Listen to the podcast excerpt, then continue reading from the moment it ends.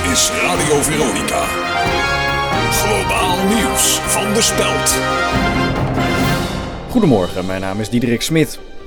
Modeketen H&M introduceert binnenkort een nieuwe kledingmaat. Het bedrijf gaat t-shirts in de maat XM verkopen. Volgens een woordvoerder van H&M is er bij klanten al langer behoefte aan extra gemiddelde kleding. De extra medium shirts liggen vanaf medio augustus in de winkels. Alle wedstrijden op het EK 2016 in Frankrijk worden na rust in Straatsburg afgewerkt. Spelers, scheidsrechters en fans vertrekken na de eerste helft met het vliegtuig naar de noordoostelijke stad. Critici vinden de massale verplaatsing geldverspilling en milieuvervuiling. Maar volgens de Franse Voetbalbond dreigt Straatsburg zich zonder deze afspraak terug te trekken als speelstad.